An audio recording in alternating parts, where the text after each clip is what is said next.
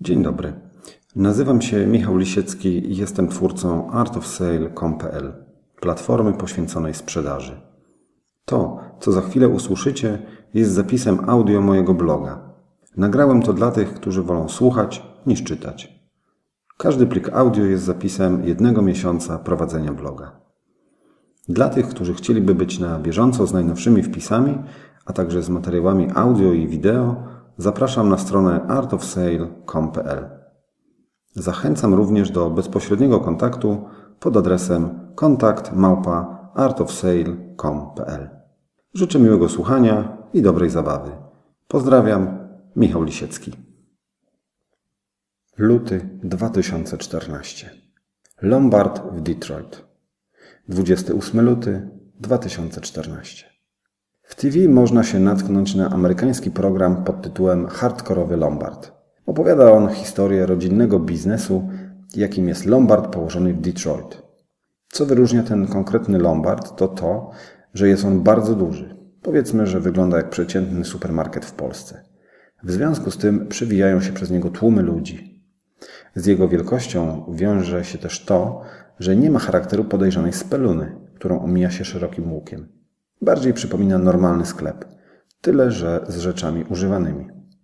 Uważam, że jeśli ktoś interesuje się sprzedażą, to powinien zapoznać się z tym programem.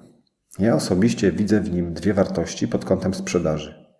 Po pierwsze, można zobaczyć, jak negocjują zawodowcy, a po drugie, to co widzimy na ekranie, pokazuje wcieloną w życie zasadę bądź uczciwy wobec partnera biznesowego. Oto szczegóły.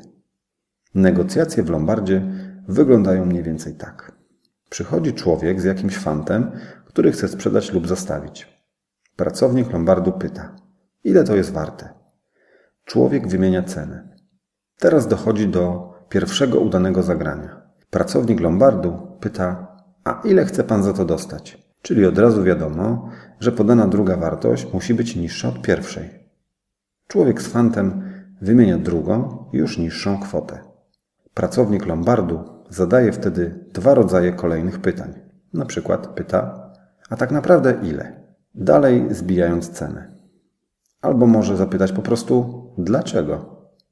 To jedno proste pytanie daje bardzo dobre efekty. Człowiek z fantem musi teraz przekonać Lombard, dlaczego żąda takiej, a nie innej kwoty za swój przedmiot. Najczęściej finałowa cena jest zaledwie ułamkiem początkowej kwoty. Przykładowo, przychodzi gość z piłką baseballową z podpisem jakiegoś znanego gracza i oczekuje kwoty 50 tysięcy dolarów. Po krótkich negocjacjach proponują mu 100 dolarów za piłkę. Cena wydawałaby się kuriozalna, ale jeden z pracowników Lombardu dobrze orientuje się w pamiątkach sportowych i wie, że pierwsza cena nijak się ma do rzeczywistości. Pozostaje przekonać do tego właściciela piłki. Oczywiście negocjacje w wydaniu lombardowym mają często charakter straganiarski, jednak stosowane przez nich metody dają się spokojnie wykorzystać zarówno w życiu codziennym, jak i po pewnej obróbce w normalnych negocjacjach biznesowych. Tym bardziej, że nie każdy klient tego lombardu to pijaczek sprzedający obrączkę za 10 dolarów. W jednym z odcinków można było zobaczyć transakcję za 60 tysięcy dolarów za model samochodu Ford Mustang z limitowanej serii. Przejdźmy do drugiej wartości hardkorowego lombardu bądź uczciwy wobec partnera biznesowego. Paradoksalnie to klienci przybytku z Detroit są sprzedawcami, a pracownicy lombardu ich klientami, bo kupują od nich przedmioty. Można zobaczyć szeroki wachlarz nieuczciwych zachowań ze strony sprzedawców, którzy naciągają, oszukują, próbują obrażać pracowników lombardu na wszelkie możliwe sposoby. Najczęściej kończy się to, i jest to niestety jedno z podstawowych założeń tego programu, wyniesieniem lub wyprowadzeniem delikwenta przez ochronę lombardu z budynku. Oto przykład. Mężczyzna przynosi miecz samurajski, który jakoby jest pamiątką z II wojny światowej. Miecz miał być własnością japońskiego oficera.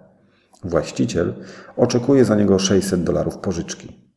Pracownik Lombardu analizuje ostrze miecza specjalnym przyrządem probierczym i okazuje się, że ostrze nie jest wykonane z takiego materiału jak oryginalne miecze z II wojny. co z łatwością sprawdził w internecie. Proponuje właścicielowi miecza 50 dolarów, na co ten zgadza się prawie od razu.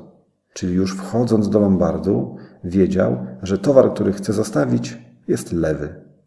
Ta sytuacja zakończyła się transakcją, ale zapewniam, że większość sprzedawców próbujących naciągnąć Lombard po zdemaskowaniu zaczyna tracić nerwy, no i wtedy wkracza ochrona.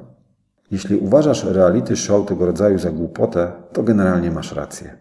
To, co odróżnia hardkorowy Lombard od innych produkcji tego typu, to lekcje negocjacji, które można obejrzeć w każdym z odcinków oraz temat do przemyśleń, jak nie należy się zachowywać, jeśli chcemy komuś coś sprzedać.